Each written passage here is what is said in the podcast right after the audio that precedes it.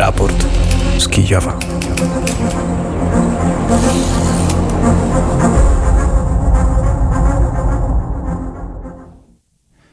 Minęła godzina 9.30, zatem raport z Kijowa mówi do Państwa Artur Żak, a audycję realizuje Szymon Dąbrowski. Tak, Artur Żak dzisiaj e, wyjątkowo, wyjątkowo w zastępstwie Pawła Bobołowicza, gospodarza tego programu, tej audycji. Paweł Bobołowicz jest na bardzo ważnym wyjeździe, zresztą drobna niespodzianka, za chwilę też będziemy mogli usłyszeć e, Pawła. Niemniej jednak kolejny raport z Kijowa, raport z Kijowa w dziewiątym roku wojny, w ósmym miesiącu trwającej, pełnowymiarowej inwazji. E, zatem, zatem też krótkie, krótka informacja z tego, co wydarzyło się za ostatnią dobę. Informację przygotowała Daria Gordijko. E, w nocy wojska rosyjskie przypuściły atak rakietowy na dzielnicę mieszkalną w Dnieprze. Wiadomo o trzech zmarłych, e, w tym o jednym dziecku. Pięć osób zostało rannych. Analitycy z Instytutu Badań nad Wojną piszą w swoim codziennym raporcie, że wojska rosyjskie prawdopodobnie prawdopodobnie zostaną otoczone pod y, Łymanem. Niemniej jednak, pomimo tego, że blogerzy rosyjscy, prokremlowscy blogerzy rosyjscy cały czas zaznaczają, że grozi właśnie ten tak zwany worek, te, ten kocioł, y, otoczenie, y, wojska rosyjskie nadal trzymają, trzymają Łyman. Niemcy przekazują Ukrainie cztery baterie systemów przeciwpowietrznych Iris-T zamiast jednego, tak jak wcześniej anonsowano. E, dodatkowo Komisja Europejska ogłosiła kolejny pakiet sankcji, oprócz dodatkowych sankcji personalnych. W szczególności planuje się zakaz importu rosyjskich produktów mniej więcej o wartości 7 miliardów e, euro, a także ograniczenie niektórych usług i między innymi zajmowania kierowniczych stanowisk przez obywateli Unii Europejskiej w rosyjskich firmach e, państwowych. Dzień Dziennik The Times pisze o tym, że to Rosja mogła uszkodzić Nord Stream e, za pomocą podwodnego drona, e, czyli że został zrzucony mały pojazd e, kierowany zdalnie, na przykład z łodzi rybackiej, a dopiero później zrzucić bądź zamontować ładunki wybuchowe właśnie przy nicy tego rurociągu. E, od czasu ogłoszenia tej częściowej, w cudzysłowie, mobilizacji w Rosji, z Rosji wyjechała większa ilość e, mężczyzn w wieku poborowym niż została zaangażowana na terenie Ukrainy w ramach tego pełnowymiarowego wtargnięcia.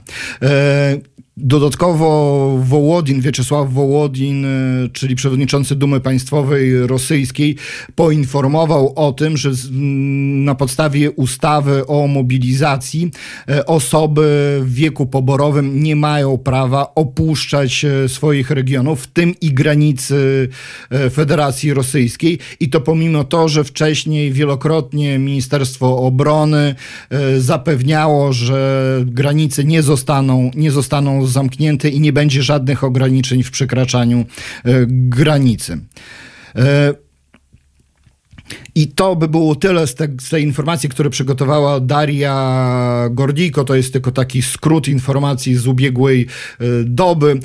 Dzisiaj raport z Kijowa jest e, wyjątkowo prowadzony z Lwowa, ale żeby nie była to audycja lwowocentryczna, na antenie pragnę powitać jednego ze współgospodarzy raportu z Kijowa, kijowianina Dmytra Antoniuka. Halo, halo Dmytrze? Halo. O, chyba mamy... Halo, halo Dmytrze, czy się słyszymy? Halo, słyszymy się, tylko mam też techniczny problem niestety. Witaj Arturze, witam Państwa serdecznie.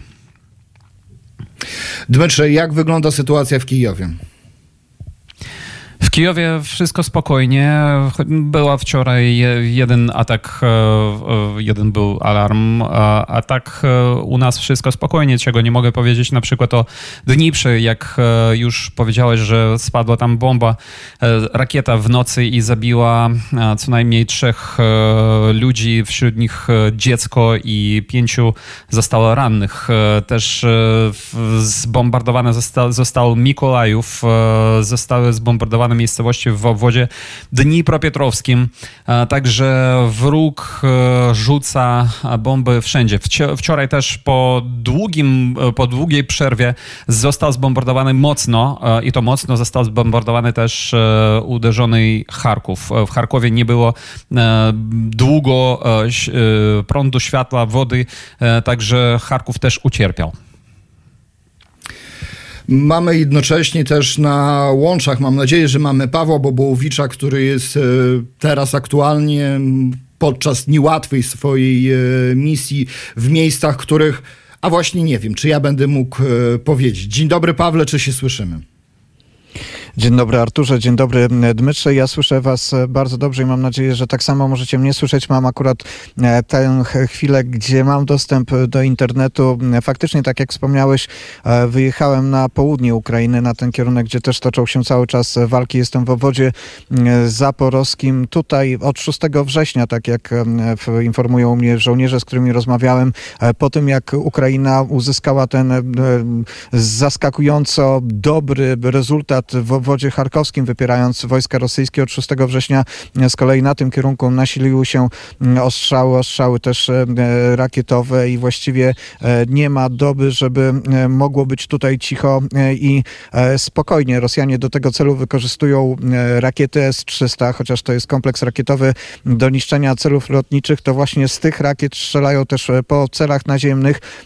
Żołnierze to interpretują, że dowodzi do tego, że rzeczywiście mają też już problemy ze sprzętem, że mają go e, coraz mniej, jednak e, niestety to też są e, ataki, które no, dla przeciwnika przynoszą sukcesy, a oczywiście dla ukraińskiej armii mogą przynosić też straty. 27 września ukraińskiej armii udało się zniszczyć w obwodzie zaporowskim dwa takie systemy tych rakiet S-300. Ta noc nie była spokojna w tych okolicach, gdzie jestem. Przeciwnik wykorzystał tym razem rakiety rakiety e, skrzydlate, rakiety, które były wystrzeliwane e, z samolotów, e, kilkanaście eksplozji e, tych e, rakiet. Być może część udało się zestrzelić przez obronę przeciwlotniczą e, ukraińską, która jest skuteczna, no ale niestety to świadczy o tym, że cały czas ten kierunek południowy nie jest spokojny.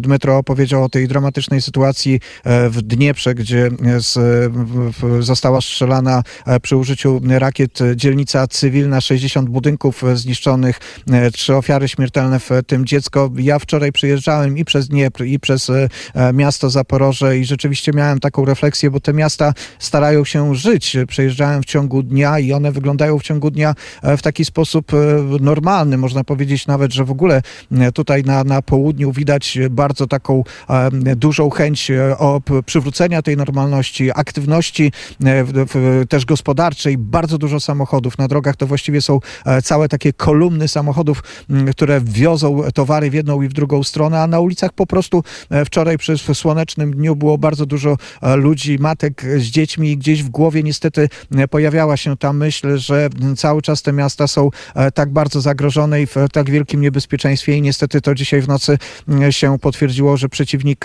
nie zapomina o, o tych miastach i że stara się cały czas zburzyć to normalne funkcjonowanie cywilów na tym terenie, ale jednocześnie, no tak jak, jak wspomniałem, widać, że Ukraińcy tutaj nie dają się zastraszyć i e, starają się w miarę normalnie funkcjonować. Oczywiście e, cały czas w tym pomaga e, ukraińska armia. To stwierdzenie wierzymy w zbrojne siły Ukrainy tutaj jest powtarzane wielokrotnie. Wczoraj, gdy tylko mm, na chwilę się zatrzymaliśmy, jechałem w kolumnie z ukraińskimi żołnierzami, od razu podbiegły dzieci. Część z nich była ubrana w coś, co miało przypominać mundury ukraińskich żołnierzy. Pytali się, dokąd jadą, życzyli powodzenia i dziękowali. Wrzucali się na, na żołnierzy i dziękowali za to, że ci żołnierze bronią e, cywilów e, na tym, na tym terenie. Od rana w tym miejscu, gdzie jestem, jest w miarę spokojnie. Był tylko jeden alarm przeciwlotniczy, ale całe szczęście nie był zapowiedzią spadających rosyjskich rakiet. Zatem, Pawle, uważaj na siebie.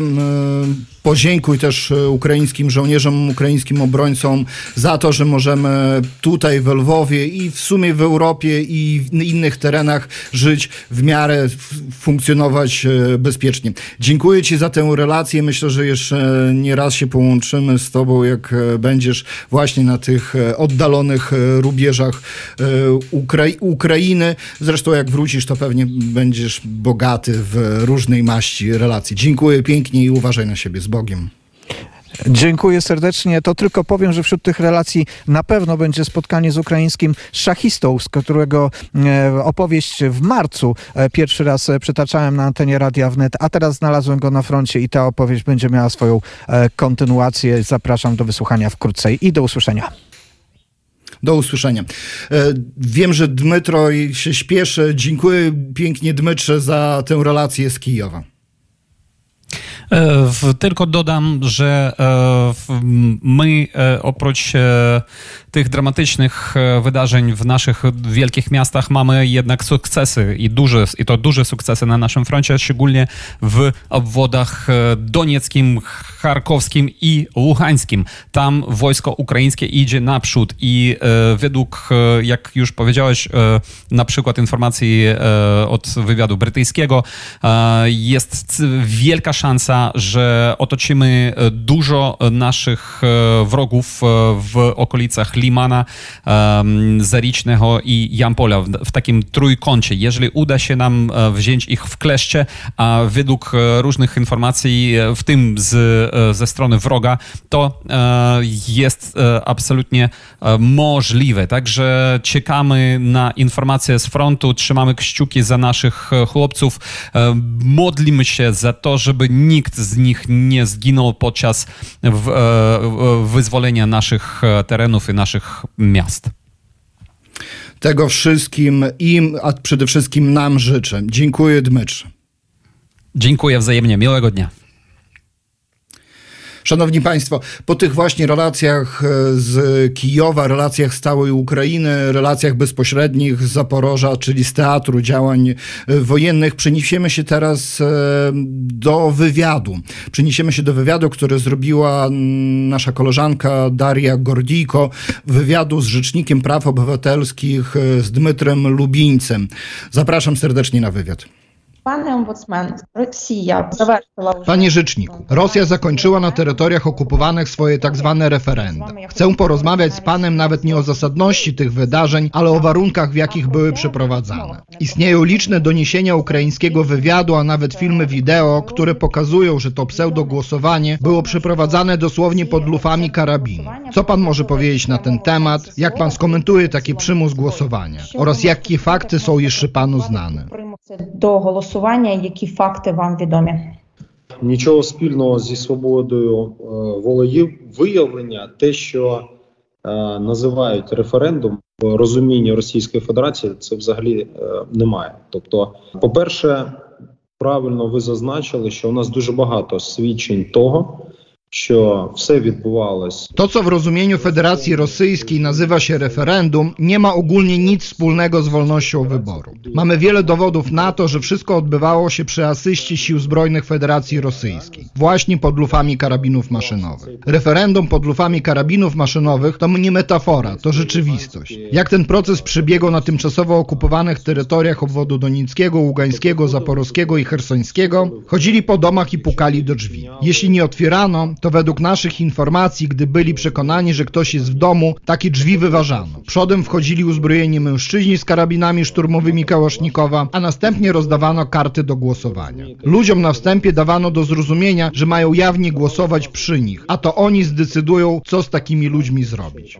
Oczywistym jest, jak głosowali ludzie, nawet ci, którzy kategorycznie byli przeciwko Rosji. To po pierwsze. A po drugie musieli wykazać się frekwencją, że rzekomo ponad 50% mieszkańców poszczególnych miejscowości głosowało w ich referendach. Tutaj wykorzystali listy, które były przez cały czas tworzone podczas mechanizmu filtracji ludności miejscowej. Mieszkańcy, którzy opuszczali tymczasowo okupowane terytoria, przechodzili procedurę filtracji, podczas której były sprawdzane i rejestrowane ich dane, gdzie mieszkają, a także rejestrowano wszystkich ich krewnych.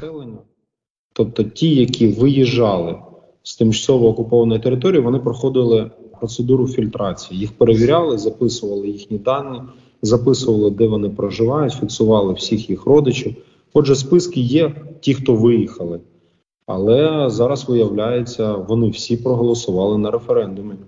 E, tam ciekawe czy pogane, що Teraz okazało się, że ci, którzy wyjechali, rzekomo również głosowali w referendach. Najgorsze jest to, że prawdopodobnie zaraz po tych referendach zapadnie decyzja o włączeniu okupowanych terytoriów do Federacji Rosyjskiej. A już następnego dnia rozpocznie się tam przymusowa mobilizacja i wszyscy mężczyźni, podkreślam, wszyscy zostaną powołani. Wyraźnie widać, że mobilizacja nie powiodła się na terytorium Federacji Rosyjskiej. Było widoczne niezadowolenie i protesty. Jednocześnie widzimy starania rosyjskiej władzy, aby donieść informację, że mobilizacja już się zakończyła, a oni przeprowadzili ją w trzy dni. Dzieje się tak tylko dlatego, że zdają sobie sprawę z tego, że zdobędą ten potencjał na terytoriach, na których odbyły się właśnie te referenda. To kolejna tragiczna historia, z którą będziemy musieli się zmierzyć. Tak było na Krymie. Wezwania otrzymali jako pierwsi obywatele Ukrainy otwarcie sprzeciwiający się Federacji Rosyjskiej. Przede wszystkim Tatarzy krymscy, którzy mieszkają na terytorium Krymu w zwartych wspólnotach. Absolutnie wszyscy mężczyźni w wieku od 18 do 60 lat otrzymali powołania do wojska. Nie można tego nazwać inaczej niż ludobójstwem. To kolejny dowód na to, że Federacja Rosyjska nie zatrzyma się. Będzie kontynuować tę wojnę, a Putin postawił jedno jedyne zadanie całkowite zniszczenie niepodległej України. називати. Це додаткове свідчення, що Російська Федерація не збирається зупинятись,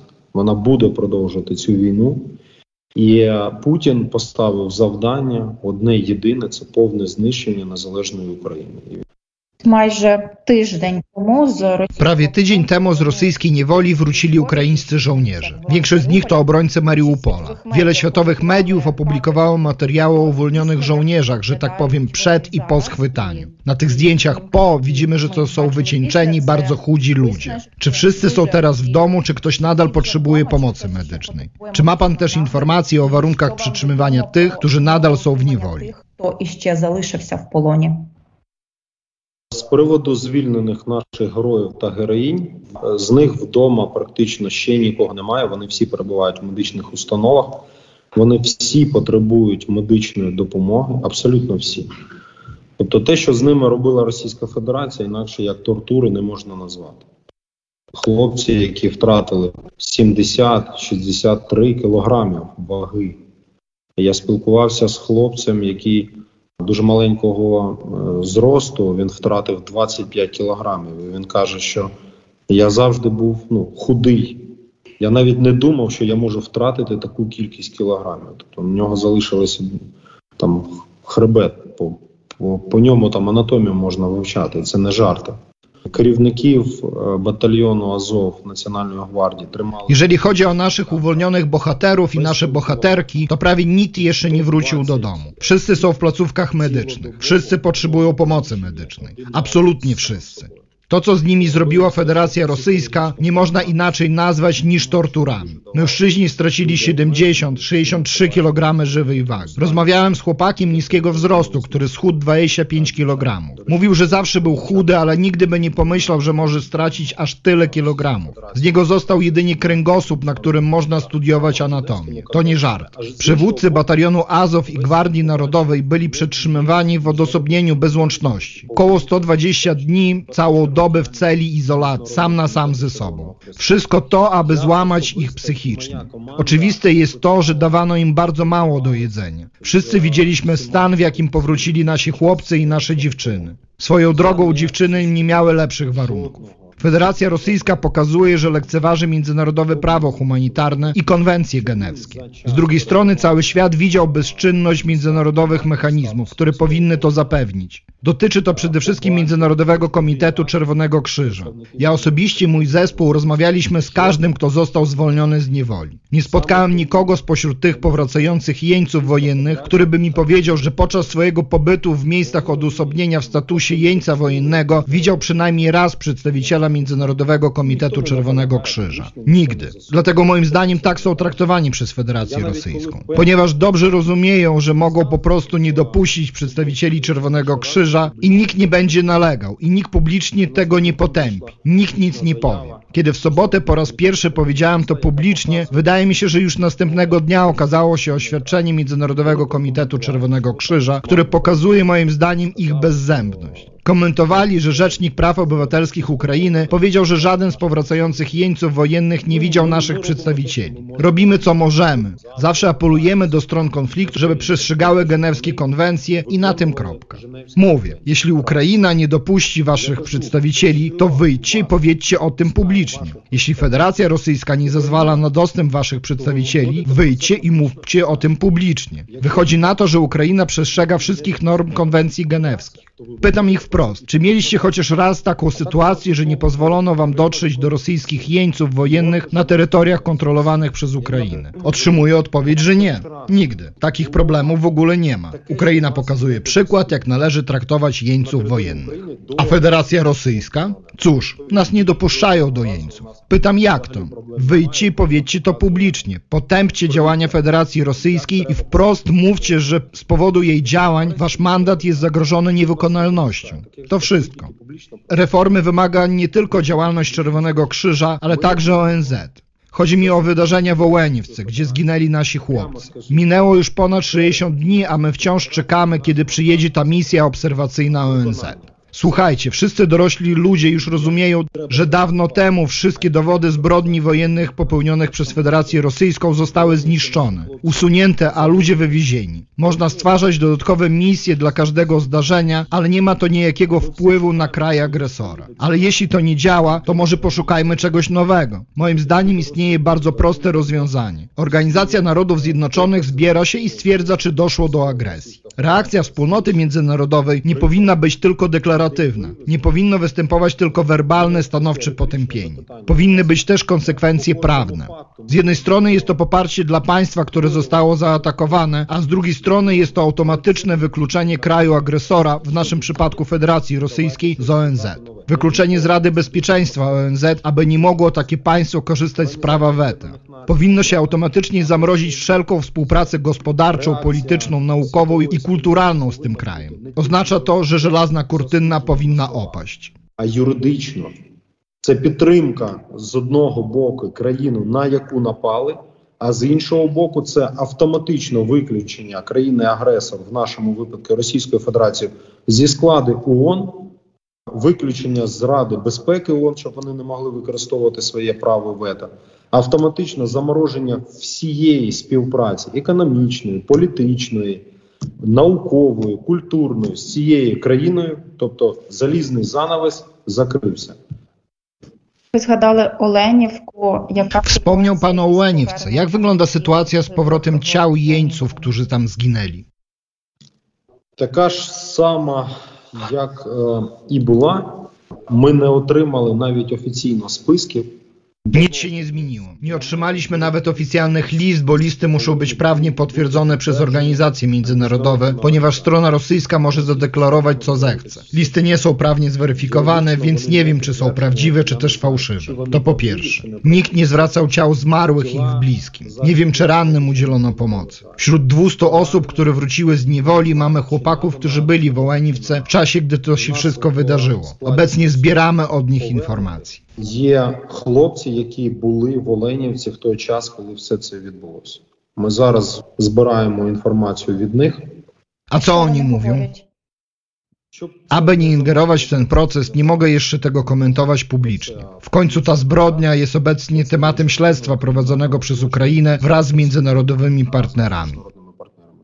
Zaledwie dwa tygodnie temu cały świat był zszokowany informacjami z okupowanego obwodu charkowskiego, przede wszystkim z Iziumu. Prezydent Zełański powiedział wówczas, że nie zobaczą niczego nowego w tej zbrodni, w tym co tam się wydarzyło, bo wszystko już widzieliśmy w Buczy po jej deokupacji. Ale jest różnica, bo region charkowski był pod okupacją znacznie dłużej, a to znaczy, że ludzie mogli być tam torturowani przez wiele miesięcy. Już organizacje międzynarodowe potwierdzają, że istnieją oznaki, że ludzie nie tylko umierali gwałtowną śmiercią, ale byli poddawani torturom i egzekucjom. Czy był pan w obwodzie charkowskim i widział pan te miejsca pochówku? Czy widział pan te katownie? Jak to w ogóle można opisać? Ви були на місці, ви бачили ці місця поховання, ви бачили катівні. Як це можна взагалі описати? Як, як якийсь суцільний жах, я навіть був в катівні, в, навіть в трьох особисто я побував в катівнях. Це дві в Балаклії і одна в Ізюмі. Ну і взагалі це система. Тобто ми вже знаємо, що в кожному звільненому населеному пункті України, який перебував якийсь час під російською окупацією, обов'язково є катівня. Jak jakiś wszechogarniający horror. Osobiście odwiedziłem trzy katownie, dwie w Bałaklii i jedną w Izumie. Ogólnie rzecz ujmując, to norma dla Rosjan, to system. Teraz już dajemy sobie sprawę, że w każdej wyzwolonej miejscowości na Ukrainie, która przez pewien czas znajdowała się pod rosyjską okupacją, bezwzględnie znajduje się sala tortur i znajduje się tam też komendatura wojskowego komendanta. Pomieszczenia, w których torturowano i zabijano zarówno cywilów, jak i jeńców wojennych. To sprawa systemowa. Tak jest wszędzie. Widziałem też naszych poległych bohaterów z rękoma związanymi za plecami i z wyraźnymi śladami tortur. Widać było, że strzelano z bliskiej odległości. Widziałem całe rodziny, które zginęły w wyniku rosyjskiej bomby lotniczej. Od sześcioletniej dziewczynki poprzez jej rodziców i dziadków. To znaczy cała rodzina, siedem osób zginęło w jednym miejscu. Byłem w miejscu, w którym taka sama bomba lotnicza spadła na blok mieszkalny, w którym się zawaliła piwnica. A w tej piwnicy było 54 osoby, w tym małe dzieci. Wszyscy zginęli. Jeden z mieszkańców, który został w mieszkaniu ze względu na przykutą do łóżka matkę, cudem ocalał. Wyciągnął swoich sąsiadów spod gruzów. Mówił, że wyciągnął 47 zabitych, a kolejnych 7 to już tylko szczątki ciał. Nie mogłem nikogo rozpoznać, tak mówił. Dlatego to był czysty horror. Ekshumowaliśmy 467 ciał, ale to tylko jeden cmentarz. A według naszych danych są jeszcze dwa cmentarze, na których pochowani są zarówno cywile, jak i jeńcy wojenni. Тому це ну просто суцільний жах. Вже ми провели ексгумацію е, 467 тіл, але це тільки одне кладовище. І вже за нашими даними ми знайшли ще два додаткових кладовища, де так само поховані як цивільні закатовані, так і е, військовополонені. Я дякую вам. Dziękuję panie Dmytrze za rozmowę. Życzę panu i wszystkim nam zwycięstwa. Дякую. Я користуючись нагодою, хотів би подякувати всім громадянам Польщі за всю Dziękuję pani. Korzystając z okazji, chciałbym podziękować wszystkim obywatelom Polski za pomoc. Bardzo ją doceniamy. Bardzo wam dziękujemy. Bardzo proszę, kontynuujcie tę pomoc, ponieważ wojna się nie skończyła i wchodzi w nową fazę. A my rozumiemy, że będą jeszcze większe eskalacje i że Putin nie bez powodu przeprowadza tę mobilizację. Walczymy za całą Europę. Chcemy, żeby wiedział o tym cały świat. Cała Europa i cały świat. Walczymy o demokrację. Bardzo proszę, nie znudźcie się tematem Ukrainy. Bądźcie z nami. Stójcie po stronie dobra, który jest przeciwko tyranii. Będzie Ukraina. Dziękuję. Chwała Ukrainie. проти світу тиранії. Все буде Україна. Дякую. Слава Україні. Chwała bohaterom. Dziękuję. Wysłuchaliście Państwo wywiad z Dmytrem Lubińcem, Rzecznikiem Praw Obywatelskich. Wywiad przeprowadziła Daria Gordijko, a nasza audycja dobiega końca. Audycję przygotował e, Dmytro Antoniuk, Daria Gordijko, Paweł Bobułowicz, realizował Szymon Dąbrowski, a mówił do Państwa te słowa z Lwowa Artur Żak. Kłaniam się nisko i zapraszam na jutrzejszy raport z Kijowa o godzinie 9.30. Raport z Kijowa.